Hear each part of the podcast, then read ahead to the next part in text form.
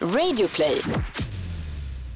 Åh, gud, alltså man, ja, man måste nästan så här himla med ögonen eller så här göra någonting fysiskt. Åh, varför gjorde jag det där? Hej Flora! Hej Frida! Jag älskar att alltid börja så här peppigt, man lurar sig själv att det är så jävla bra dag. Aggressivt. Jonas, allt var ett skämt. Podden börjar nu. Hej Flora! Hej Frida! Hej Bokus och Läkarmissionen som sponsrar den här podden. Vet du en sjuk grej? En sjukt jävla fin grej Frida. Nej, vadå? 306 stycken flickor och kvinnor har fått föda sina bebisar på sjukhus tack vare våra poddlyssnare som har skickat såna här morsdagspresenter under mors dag. Va? Det är 306 små knubbiga bebisar som får lägga upp, läggas upp på sin mammas bröst när den mamman är lite tryggare än... Och liksom, Det är helt otroligt. Alltså, det det, är så är himla fint. nio röda SL-bussar. fyllda med bebisar och mammor på varje nio plats. bussar. Alltså, det är fan bortom denna värld hur fint det är. Alltså, Tack som fan till alla som skickade sådana sms. Eh, vi kommer komma med någon slags ny eh, kampanj säkert snart. Man kan hoppa på. gå in på läkarmissionen.se så kan du kolla hur du kan hjälpa bebisar. Eh, Okej, chicka, wow, wow. Podd! 58. Hur är läget? Frida Vega Salomonsson. Jo men det är bra. Kanske man vill stå lite. Jag, undrar, jag vet allt. Alltså, så ska du mecka om nu igen. Det var ett jävla meck. Det är väldigt viktigt för mig alltså med feng shui Ja. när jag poddar. Ehm, efter förra podden så hade vi ju ett eh, utvecklingssamtal. ja, just det. Jag älskar att säga utvecklingssamtal, det känns så himla skola. Eh, älskar, älskade dock inte att ha utvecklingssamtal. Eh, men då hade vi i alla fall möte med eh, kapten Jonas som klipper den här podden. Precis. För att prata lite om så här, hmm, hur känns podden nu, finns det någonting vi kan göra bättre? Visst var man lite nervös? Jag blev jättenervös. Det är så här tystnaden, bara, vad är det egentligen han tänker som han inte riktigt vågar säga? Ja, För att det är ju Jonas då som ska hela tiden paketera den här podden så att allt som blir fel ska liksom bli, försvinna Ja. och klippa bort när vi så går över gränsen och typ sånt där. Han ska sopa, sopa till. när vi skickar mail klockan ett på natten och bara förresten kan du klippa bort det här också? Ja, typ så. Ja. Då i alla fall så sa han ju mm, podden är bra men ni känns kanske lite trötta, eh, långsamma, griniga eller vad typ sa han? ja men lite så. Lite så. Lite neggiga kanske. Ja, och, eh, och det känner vi också för, ehm, vi skulle vara med i en YouTube-grej precis innan vi gick in nu och spela in tillsammans med Sandy som har Respodden. Eh, så skulle vi spela in en video med henne och den skulle handla om lycka och typ så här, det peppiga i att, vara, att frilansa och, och leva sin dröm typ. Hon kan ju inte ha lyssnat på de senaste avsnitten när vi har Nej, hon, pratat om hon, hon förstod inte att hon tog in helt, helt fel personer till den här saccosäcken. Vi satt ju bara och så här Gör Ja, det inte. Don't do it, det är så himla jobbigt. Eh, typ äh, la, la. Och kanske podden nu har varit lite la la la la la. Eh, Jag har en, jag har, det finns en risk att den kommer vara lite eh, neggig idag igen. Ah, För jag är inte ute ur den eh, skogen än, negg, neggskogen. Eh, men med det sagt så kan vi ju jobba upp en energi. Och jag tror ändå vi är neggiga men lite snabbare i tonen. lite kvicka, lite rappa. Ah, Ehm, ja, men det, det känner jag och det, det tänker jag ändå att vi fick till lite i förra avsnittet också. Då var Ja. vi ju lite liksom i gasen. ja, vi försöker prata lite fortare i alla fall. Precis.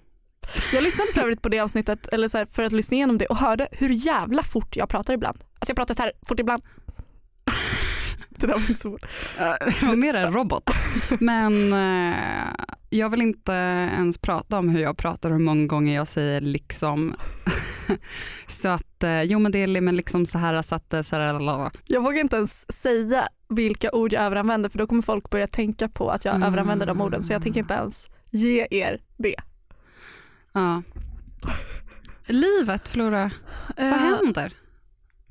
jag, jag har ju varit här då i Sverige nu i två veckor sedan jag kom hem från Lissabon efter två månader och Mm. ehm, jag tycker att det är så jävla gött att ha mina människor här som jag saknar mig sönder och samman efter när jag inte är här men jag längtar också alltid lite härifrån just nu. Och när jag säger härifrån så menar jag typ en vardag där man har någonting inplanerat vid frukost, sen har man något annat möte, sen ska man luncha någonstans och sen ska man göra någonting annat på eftermiddagen, sen så har man kvällsplaner och sen så kanske man också måste jobba med det alltså, på Mm. natten. Alltså att allt är så här, varje dag är uppstyckad i små beståndsdelar. Ingenting får ta längre tid än någon eller ett par timmar. Eller Ehm, typ det administrativa. ja det är jättemycket Men det är väl det jävla att du kan gå på mycket mer möten nu när du är i Stockholm. Du kunde inte det i Portugal. Ja men det är väl också så här andas lugnt, snart är det sommar. Ehm, jag, är så, jag hatar när jag hör mig själv säga till mina vänner att jag är stressad för jag känner att stress är som en jävla smitta. Som Mm. så här, om någon kommer in i ett rum och bara, Jag är så himla stressad. då blir man ju man bara gå härifrån. Stresshormonerna bara börjar pumpa i kroppen på en själv. Alltså man borde sätta ett sånt här litet munskydd på alla stressade personer. Alltså jag borde ha ett sånt litet munskydd och typ så Så att man ha. inte kan sprida det vidare. Eh, Men i helgen så var jag i Hälsingland, eh, i Arbro där Eh, min släkt har ett ställe. Eh, Och jag och Isak åkte dit och vi åkte runt på olika loppisar och käkade mat och sprang i skogen och badade. Och vi köpte en möbel som vi sen skulle slipa ner och måla. Och det här fick liksom ta Alltså det tog typ en hel dag att hålla på med den här möbeln. Jag hade ingen som helst tid, eh, tidsuppfattning. Och den grejen, det var då det slog mig att så här, allt hemma i Stockholm i min vardag är i små beståndsdelar. Jag hade aldrig hunnit slipa och måla en möbel. Kanske som en söndagsaktivitet när man bara Mm. wow idag händer det. Eh, och det var så jävla mysigt så Mm. nu ska vi åka tillbaka faktiskt nästa helg igen för att jag bara Kanske snarare att du kanske, inte att det att du inte hade hunnit men du hade inte tagit dig tiden att sätta av en hel dag till att slipa en möbel här. Nej men Det är exakt. enklare att ställa om hjärnan att så här, nu är man på landet, nu kan man unna sig att så här, stå och peta på de här kottarna i typ ett dygn. Medan hemma är man mycket hårdare när man är liksom hemma. Ja verkligen. Själv då? Eh, en liten recap då, att jag, jag har varit ledig snart två månader tror jag, mer eller mindre ledig och försökt liksom ta tid att när jag blir deprimerad eller har liksom ett depressionsskov så börjar jag tänka väldigt mycket för det känns som att det är en gåta jag försöker lösa. Just Så väldigt mycket tid har gått åt att så kartlägga hur kom jag till den här punkten där jag står nu. Även i din depression så har du en målmedvetenhet att ta dig ur den. Ja, Det är jävligt beundransvärt.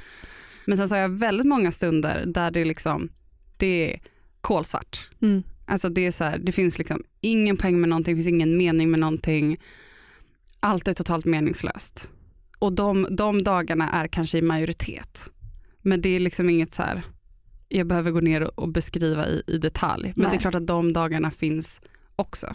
Så att jag vill inte vara så överdrivet peppig, men jag vill bara så här, Men jag tänker att nu Ja. har du nyanserat det. Ja. det känns, eh, jag är med. Jag är med på tåget. Jag har alltid velat vara själv väldigt mycket. Alltså att jag inte vill omge mig med personer hela tiden, att jag kan bli lite trött. Mm. Alltså att jag kanske umgås med någon en stund men sen vill jag gärna vara hemma och eh, fixa med någonting själv. Typ.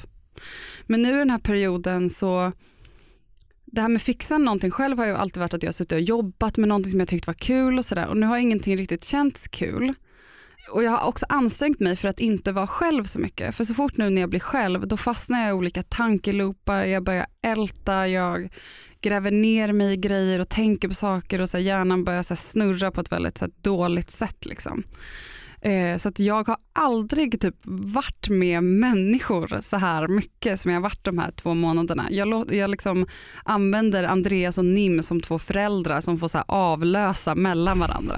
Det är verkligen så här, Du kommer där med dina IKEA-kassar och det bara är typ så. "Åh, Det är typ så. Jag var hemma hos eh, Nim och Jakob igår och då sa Jakob så här, han bara, jag har tänkt på det här lite eh, och om det är så att du och Andreas gör slut, då kommer ju du vara här hela tiden. Ja, då är det de dina fosterföräldrar. Ja, sa han lite med oro, oro i rösten för jag är verkligen där, Mm. är verkligen där hela, hela tiden. Och det är verkligen så här, Andreas går till jobbet, då ringer jag Nim. Var är du? Kan jag komma och sitta med dig? Så liksom avla, så får de liksom Men, men när Nim sitter och jobbar, sitter du typ och pysslar med något annat? Eller sitter jag och typ- stör henne. Typ. ja. Ja. Från din synvinkel, hur tycker du att Nim och Andreas har varit i den här, men faktiskt, alltså jag tycker det är en rimlig fråga. Så här. Hur har de, nu blir det svårt för dig i podden att säga något annat, Ja. men ha, hur har de varit när du har mått dåligt? Liksom? men de har ju verkligen haft 100% delad vårdnad all min vakna tid. Inte för att de så vakar över mig, det är inte, det är inte så allvarligt, men, men ändå att, de, att jag umgåtts väldigt mycket med dem. Eh, och det är kanske någonting jag inte har reflekterat så mycket om. Det är väl också en del av depressionen tänker jag att man är ganska så Jag här, är extremt självupptagen. Jag, jag tycker att de har varit fina. Jag vet Mm. inte riktigt vad jag, ska, vad jag ska säga.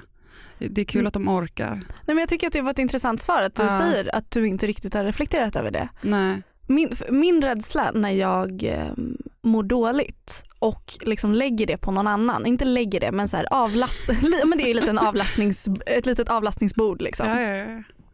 Det är ju så att glömma bort typ hur den personen mår, alltså så här, Mm. att man kommer på sig själv med kanske så här, men gud hur, hur, mår, hur mår min vän nu? Mm. Utan att så här, lägga det som en så här, tjock filt över dig. Men så känner du att du också kan så finnas för Andreas och Nim? Varenda dag är absolut inte ett bra stöd. Ibland är jag, så här, eh, ibland är jag en jättedålig flickvän också som när jag vet att så Andreas kanske borde hänga själv med sina kompisar. Och så säger han så här, ah, jag ska dra och göra det här. Och så står man där som en blöt fläck i hallen och, och ser ut som att man börjar gråta och kryper ihop till en boll. Och han ser på en att man vill följa. Han bara, vill du följa? Man bara, ja. Och då vet man ibland att så här, jag kanske inte borde följa för han kanske också borde få lite tid att hinna ventilera med sina kompisar. Är det här en dialektal sägning? Följa? Vadå följa? Vadå? Man säger vill du följa med? Ja, vill du följa och göra det här? Ja, är det. Andreas som säger så? Jag bara undrar. Vill du följa? Vill du slå följe? Ja, jag bara, förlåt det var inte min Aldrig tänkt på. Jag, bara tänkt, eller alltså jag vet att man säger vill du följa med men man kan också säga ja, vill du följa och göra det här. Aha, Man kan kapa lite ord. just det. Kan man. Aldrig tänkt på det. Ja, okej. Ja. Men det är väl rimligt i och för sig att, att du får följa med. Men jag fattar. Ehm, men där- känner du att du liksom spelar, din, spelar du ledsna flickvännen-kortet? Använder du det till din fördel? Vilket också är ett helt rimligt Alltså, beteende. jag, vet inte. Jag vet inte om jag spelar det så mycket utan det är väldigt uppriktigt bara att jag står där. Som, alltså jag tänker inte, jag, jag, ser, det är det, jag ser inte mig själv utifrån. Nu är du inom situationstecken en patetisk eh, person, eller inte patetisk men liksom att jag eh, när jag står där och vill följa med då vill jag fan bara följa med. Alltså jag, tänker inte, jag, jag vill bara följa. Jag förstår. Jag tänker också att det är lite så här. Andreas var ju sjuk och typ kunde inte röra sig, jag behövde klä på honom och han typ opererades ju och så för några månader sedan. Så jag För tänker att jag rygg, typ, vad var det? eh, diskbråck. Ja, men Så jag så- tänker att jag kan casha in några veckor på det arbetet jag la ner det, där. det är ju så, en, alltså kärleken är ju en, en transaktion. Ja. Det är ju så. Den tar ut och, och, och ja, liksom- vad heter det? sätter in. Men jag, eh, jo, jo, men det är absolut hårt krav nu för mina anhöriga att, att konstant finnas runt mig. Nim var ju borta i, i Tokyo för några veckor sedan. Eh, hon var på semester två veckor med, med Jakob och eh, det var ju fruktansvärda veckor. Och jag har verkligen pratat så här, satt mig ner allvarligt och pratat med henne efteråt att så här, om du som min bästa vän ska åka bort två veckor, då kan du inte bara göra det och lämna. Du, Men- måste, du måste hitta en ersättare. Du måste rekrytera en alternativ bästa vän som du kan instruera i hur man tar hand om mig och vad jag behöver. Vilka Tusen- katetrar som ska bytas. Och, Gud. Jag tänker mer som ett marsvin, att jag behöver pellets, inte att jag är så gammal och behöver typ livsuppehållande eller, så vård, eller, eller ja, lite vård. mm. Ibland tvättar jag inte håret när jag borde. Kanske den kompisen ska säga Frida nu borde du tvätta håret. Så lite sådana basic. Nu är det dags att byta saltsten. Ja, typ. Det är lustigt för att jag tänker på just den grejen när, när folk åker iväg när man är i en situation i livet då man behöver dem.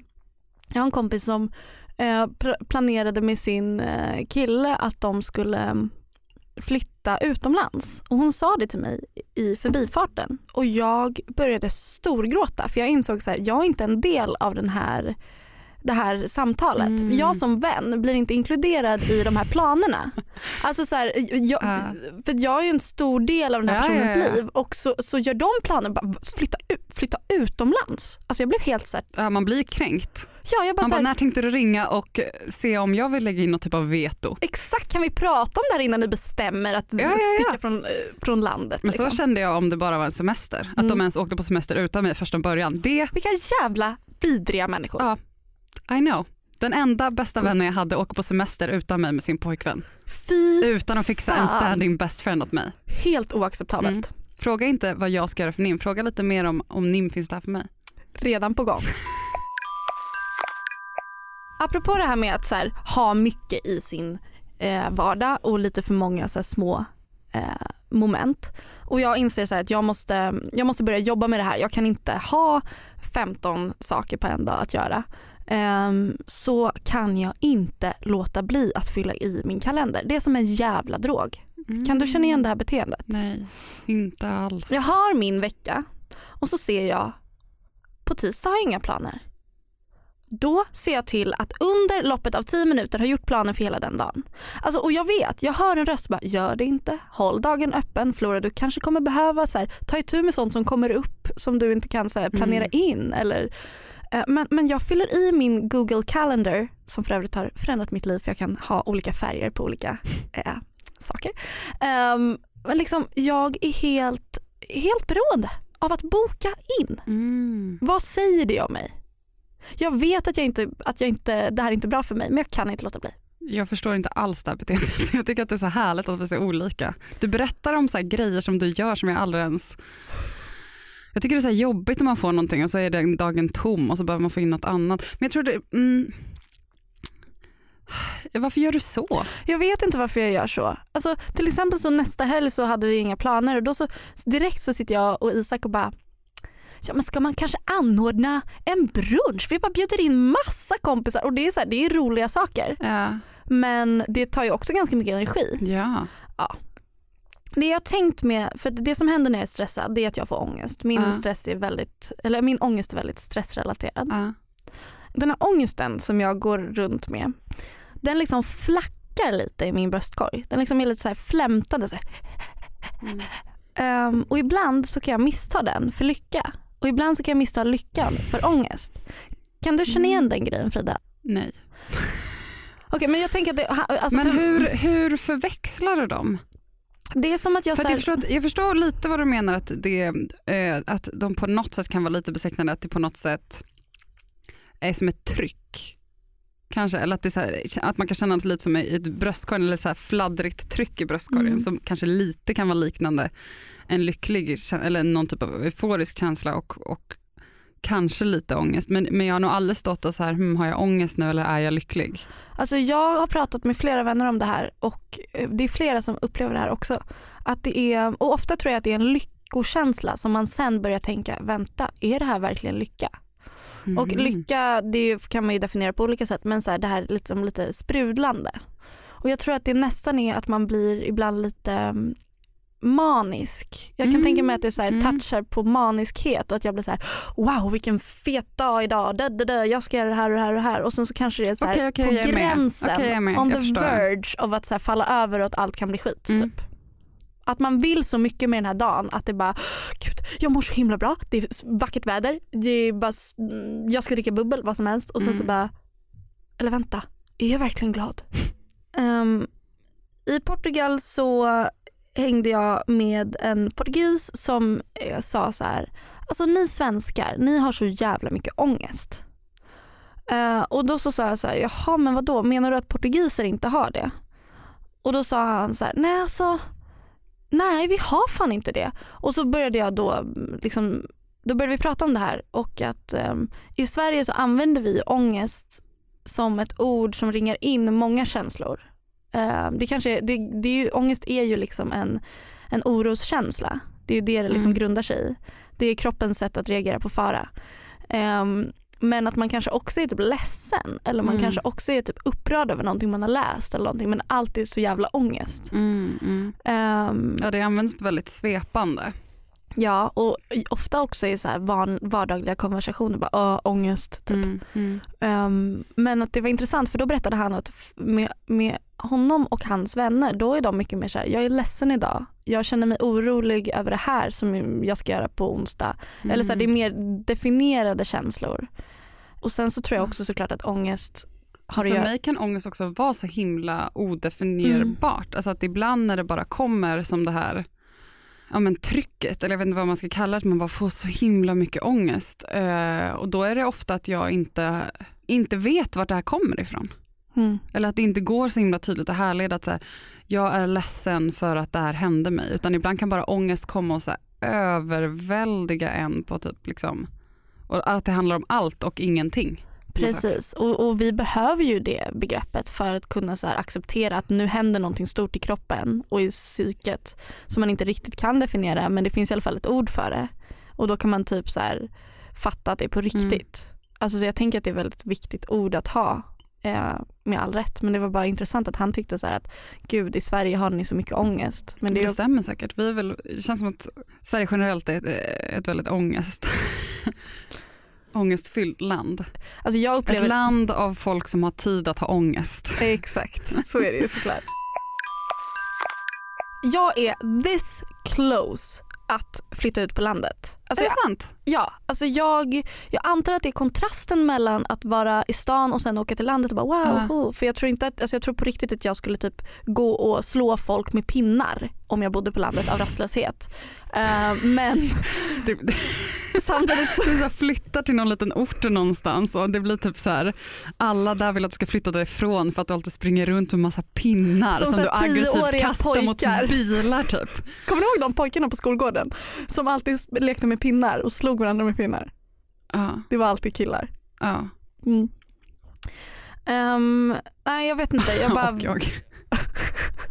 jag, jag bara känner, eh, jag vet inte, den här stan, vill den mig väl? I don't Ah. know. Mm, mm, mm, mm, mm, mm. Jag förstår helt. Jag, jag har lite av en, en plan Okej. eh, kring, kring det här. Eh, och det är att jag, eh, alltså när man tänker typ så här, vad kostar en lägenhet i Stockholm? Stopp, nej, sluta inte lyssna. Vi ska verkligen inte prata om bostadsmarknaden. Men det är depressing i alla fall. Får jag bara snabbt lägga in att jag skulle ha som ett mål en vecka att inte prata om bostadsmarknaden Mm, någonting. Jag vill ha som mål eh, sommarlovslöfte till nästa sommar att inte säga ordet bostadsmarknaden. Okej, deal. Men det som inte får nämnas vid namn eh, är ju väldigt deprimerande. Så ibland brukar jag gå in på en hemsida där man kan kolla på olika ställen där man kan bo i Vilket Sverige. för övrigt är typ en av de mest besökta hemsidorna för folk typ binge-scrollar på Ja. Hemnet. Ja. Får, får man inte säga Hemnet? Nej, men jag, jag vet inte, jag blev som en grej att man inte ska, ja, är Hemnet, vi kan verkligen prata om Hemnet. Ibland går jag in på Hemnet och sen så scrollar man lite och sen så scrollar man igenom det som inte får näm- alltså i Stockholm och bara vill typ gråta för att man aldrig kommer ha någonstans att bo. Eh, och sen och sen så då brukar jag unna mig, eller unna, men att jag brukar gå in och kolla andra delar av detta Svea rike. Eh, och då hittar man ju Alltså om man jämför med de bis- bisarra priserna i Stockholm, alltså det känns som att här, alla lägenheter eller bostäder i övriga landet är typ gratis. Mm. Alltså om man jämför liksom med vad det kostar i Stockholm. Alltså när man tittar typ så här, ah, här är en villa som kostar typ 800 000. Alltså 800 000, don't get me wrong, det är klart att det är jättemycket pengar. Mm, Det är Men det väldigt känns stor skillnad att man kan fyra, tu- fyra miljoner för en Det känns som att köpa en. Piggelin. Mm. Att gå och shoppa en alltså det är så här i, i jämförelse. Så jag har verkligen tänkt att så här, så här liksom bara så att det har jag tänkt att min dröm skulle vara att längre fram i livet, obviously vara fett eftertraktad, alla bara vill jobba med mig hela tiden. Såklart. Så att alla bara planerar sina produktioner och allting runt när eh, Frida är ledig. Liksom. Så att man Princess Winia.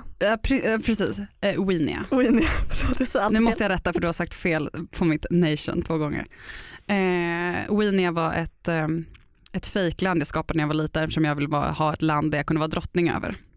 Mm. Och nu kommer vi tillbaka till det. Och nu kommer jag tillbaka till det. Nej, men då hittar man ju typ så här eh, jättefina hus och lador och så här gulliga stugor. Eh, och då skulle jag vilja bo liksom några timmar utanför Stockholm, eller massa timmar, det kan vara Skåne, I don't care. Liksom i ett så fint hus där man kan bygga som en så här jättestora fönster och ha typ som någon, ha lite yta. Mm.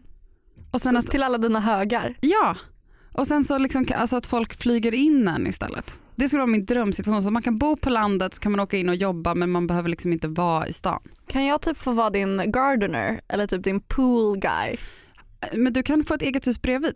Får jag? För jag pratar med Nim, hon och Jakob också. Okej.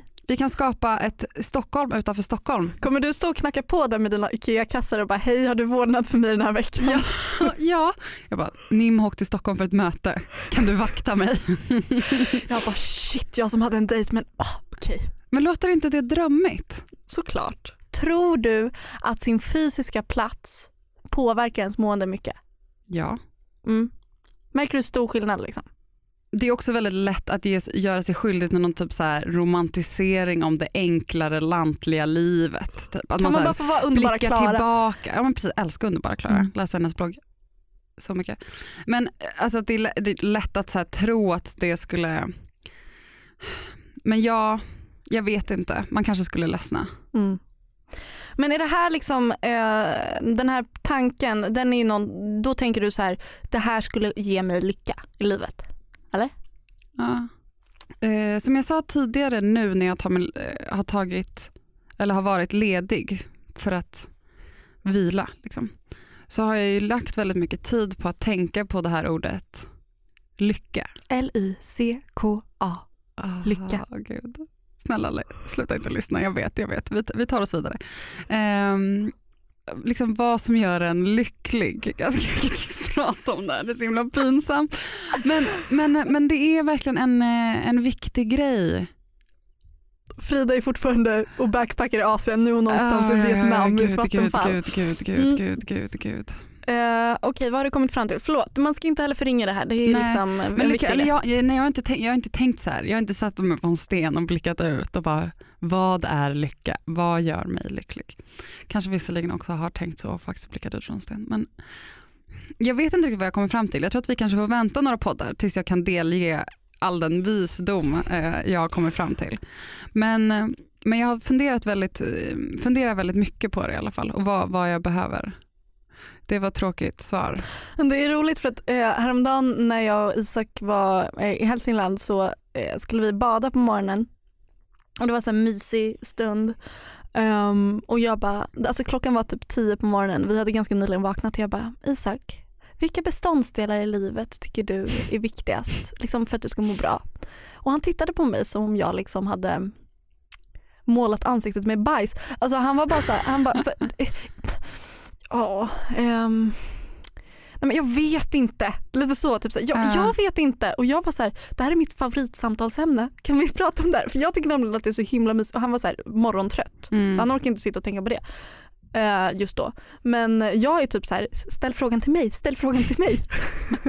För att du kände att du hade någonting du ville säga? Nej men jag tänker, alltså, på fullaste allvar så brukar jag ganska, alltså min regel eller liksom med jämna mellanrum brukar jag sätta mig ner och skriva en lista på så här, det som gör mig absolut gladast. Mm. Och sen så försöker jag titta på den listan och så försöker jag se liksom hur mycket av det jag får i mitt liv. Det, här mm. låter, det här är verkligen så en Pinterest-uppmaning. Typ. Jag kräks lite. Mm. Mm. Så vill du att jag ska fortsätta eller ska, vill Nej, du kräkas på mig? Nej, här, här är mina händer. Fortsätt, fortsätt, fortsätt. Um, jag, vet, jag behöver inte ens gå in på vad det är för det är typ så här, vara med familjen, eh, göra saker för andra och inte för sin egen vinning. Var det, alltså det är så här obvious, mm. liksom väldigt obvious mm. grejer. Men en sak som jag, eller vi har varit inne på tidigare i podden det är så här, vad, hur man definierar ordet lycka. Mm. För för mig hand, handlar det ju inte om att ha en så euforisk känsla i kroppen. Nej. Det är ju, sker ju i små pikar när man kanske har en snus i munnen. Då får jag ofta väldigt Eller det, man är ute och det kommer på en asbra låt. Exakt.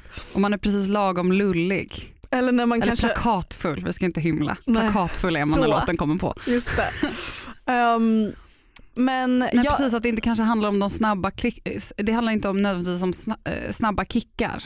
Nej, utan en grundläggande tillfredsställelse. Att vakna på morgonen och känna men det här är en, en helt okej dag. Liksom. Att så här, det här är en bra bas. Mm. Är som ens lägsta nivå ska vara så här, tillfredsställd. Ja. Eller ja, att acceptera att det är en ny dag och mm. kunna komma ur sängen. Ja, men lycka, nu pratar jag om lycka. Då vill man, ja, man, ja, ja, det är någon typ av så här ba, basland tillfredsställelse. Ja fast att så här, kunna, det är inte som att jag, jag tänker att man är lycklig om man typ kravlar sig ur sängen och bara jag klarar det, jag klarar det. Utan det är mer typ så här, ja men det här kan nog, jag, jag går upp nu för att ja. det här kan nog Nej, men exakt. Mm. Någon typ av så här, oh, ah, overall tillfredsställelse av att så här, livet är väl helt okej och så kanske man har någonting man ser fram emot och man kanske ska träffa någon kompis sen. Och, Mm. Mm. Nej, Helt okej är Mm. lycka. Mm. Idag är också en dag. Det är lycka. Det är lycka. Ja, eh, så att vi återkommer när vi liksom har uppnått den När vi vet tillfredsställelsen. hur man vaknar på morgonen och känner det här är också en dag och är okej med det, då återkommer vi. Vi har ju en, en partner eller en sponsor som heter Bokus. Mm. Och Bokus har ju en kampanj som heter Det finns alltid en bok. Eh, vad är det för kampanj Frida? Jo, grejen är att vi, vi lever i en tid där allt ska gå undan. Och underhållningsformaten och allting vi tar till oss blir kortare, våra konversationer går snabbare, information blir grundare, eh, allting blir snabbare och kortare och allt ska rymmas i 30 sekunders YouTube-klipp eller en tweet på 140 tecken. Allting blir ganska ytligt och Mm. man får inte all bakgrund på allting. Och därför så har Bokus gjort en bot som handlar om där de tittar på vilka hashtags trendar just nu på Twitter. Vad är det det samtalas om? Och sen så rekommenderar den boten en bok baserat på den hashtaggen. Precis och även om en bok kanske inte alltid är facit ehm, så är det ändå så här, det, det kan ge en, en djupare syn på Ja. ämnet. Eller typ vara en rolig grej. Har du någon exempel på någon hashtag som är uppe nu? Eh, ja, eh, Twin Peaks trendar ju Oh, obviously. Har du, har du börjat se det? Ja. Men jag har inte sett så mycket av det tidigare, jag har bara sett första säsongen Ah. så jag är lite så lost. Hur som helst, eh, det finns en jättefin receptbok eh, som heter Damn Fine Cherry Pie and other recipes from Twin Peaks. Jag dör. Så följ Bokus på Twitter eller i sociala medier så eh, får ni fler boktips på trendande hashtags. För det finns alltid en bok. Jag har precis köpt en bok från Bokus. Vilken? Jag köpte Frihet, jämlikhet och systerskap texter 2007 till 2017 av Ida Thirén. Vem är Ida Thirén? Kulturskribent typ. Tänker du att det här ska ge dig lite kött på benen till nästa poddavsnitt? Ja. Ja, kul. Vart går man in för att beställa sin bok eller ljudbok? Till hängmattan. På Bokus, Bokus. Fråga igen. Bokus.com. Kan vi inte... Bokus.com. Försöker du göra en jingle här? Bokus.com. Folk kommer bara. Okej. Ett, två, tre. Bo- bo- bo- Bokus.com. Fan. Släng ut oss härifrån. Ehm, jag har gått runt med stora skamkänslor på sistone. Mm. Eh, skam är ju en känsla. Tv-serie. Jag tänker inte prata om tv-serien Skam, jag vägrar. Eh, det, här, det finns faktiskt också en känsla som heter skam hörni. Det är inte bara en tv-serie, jag lovar.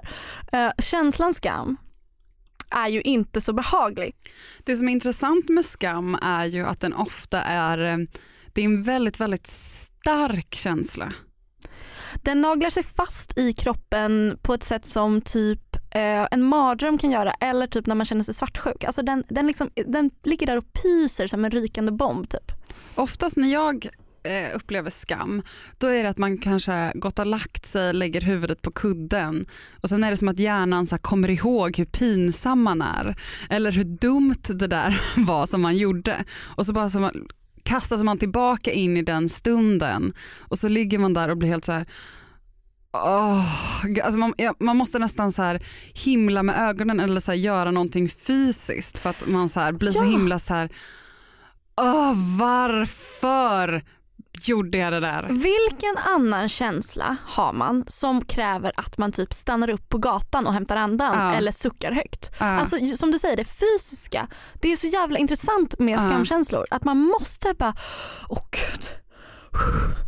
Ehm, och jag tycker att skamkänslor är ett väldigt roligt samtalsämne för folk tycker ju att det är ganska jobbigt att prata om sådana här saker. Mm. Så om man, det här är ett tips om man vill ha ett roligt samtalsämne på en middag. Fråga så här, berätta ett skamligt minne du har. För det, kan, det finns ju också nivåer av skam. Mm. Och jag har ett minne som jag tänkte dela idag. Ehm, Jag är så himla, okej. jag har en familjevän som eh, en vuxen kvinna Mm. som förlorade sitt hår för att hon blev sjuk. och hon skulle komma och fika hemma hos oss. Och jag var kanske 15 och jag visste mycket väl att hon hade förlorat sitt hår. Och jag hör att hon kommer in i köket, jag hör henne småprata med min mamma. Och jag går ut från mitt sovrum och så möter jag henne och ger henne en kram och säger “Tjena mittbena!” Och det är ju liksom en sån sak, man får inte säga det när någon är sjuk och har tappat sitt hår och är typ ledsen över det. Det är ett sånt minne som när jag ko- kommer Men hur att tänka gammal, på hur, du är 11, 15. du är 15. Hur gammal var den här personen? vuxen kvinna.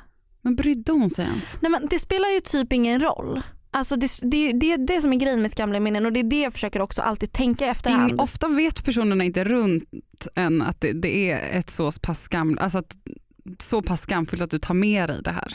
Nej precis. Det är någonting som händer oftast Mm. inom sig själv. Ja exakt och det är ju ganska betryggande tycker jag när man ligger där på kvällen och bara hur kunde jag säga tjena mittbena till någon som precis har förlorat sitt hår? Förlorat sin mittbena.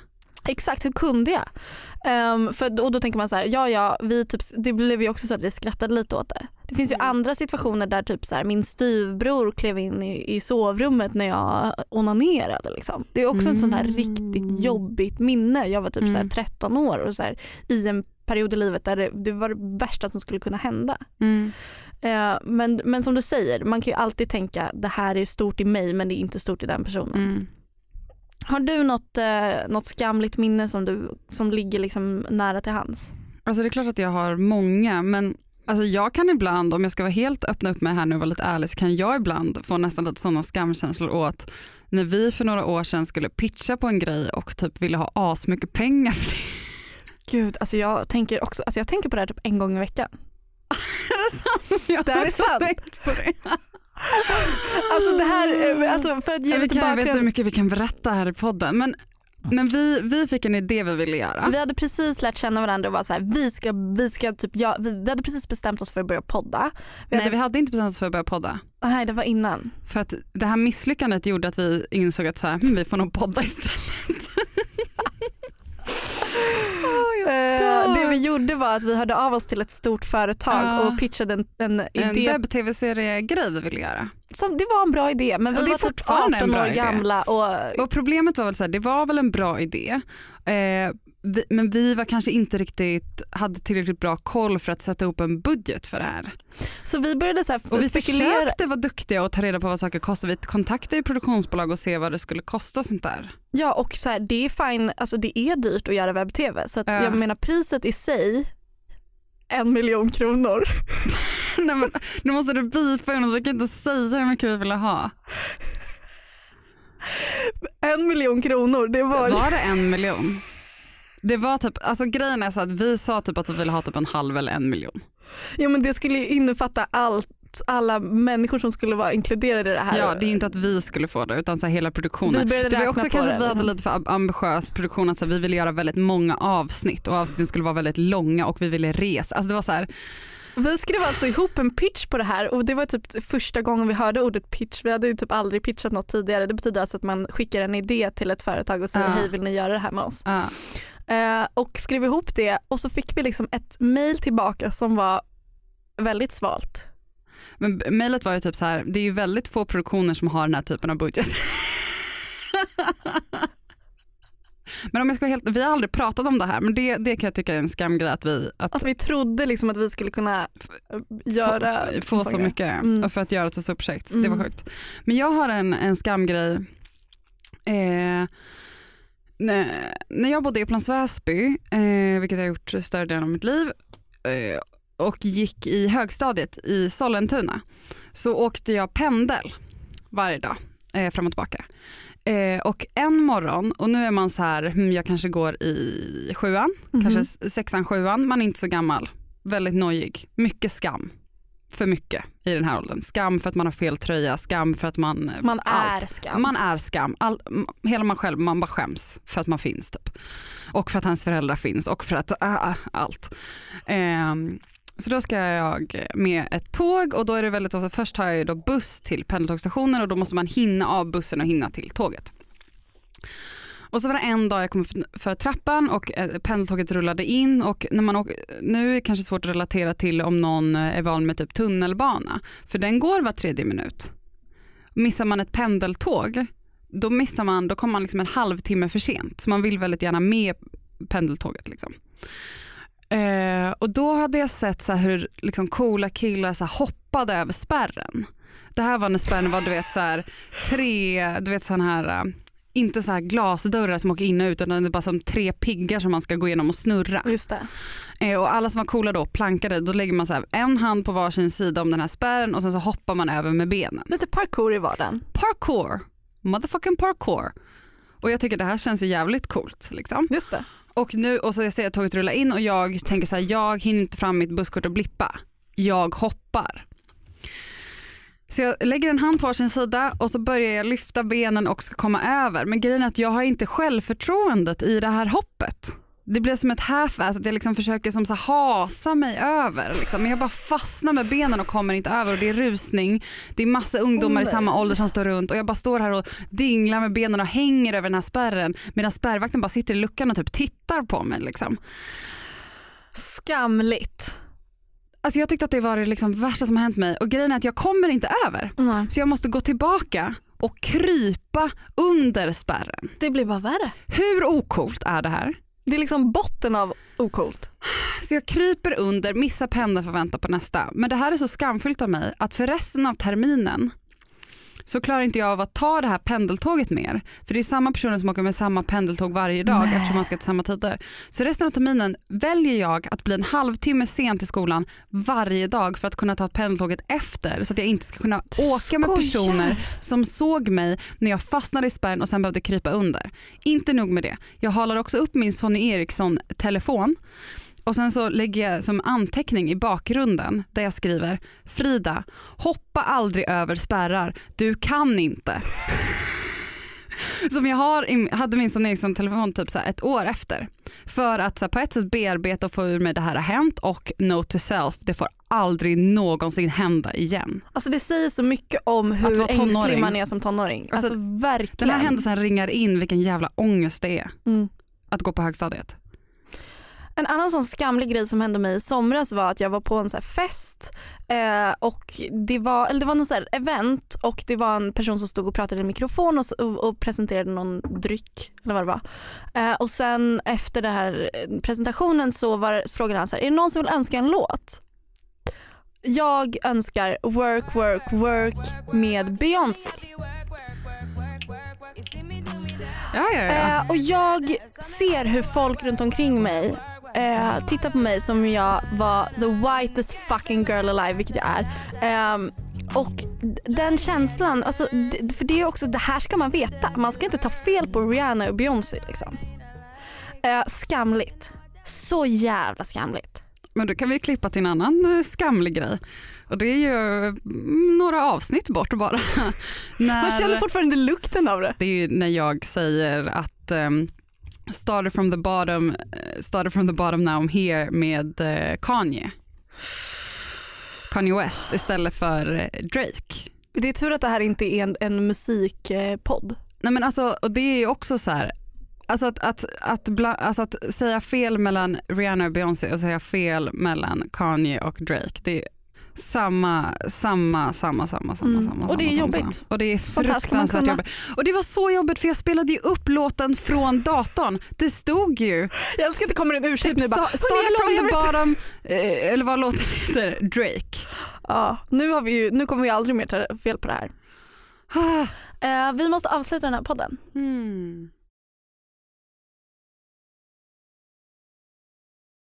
Tack som fan för att du har lyssnat. Ja, jag heter eh, Frida Vega på Instagram. Jag heter Flora Vis på Instagram med W.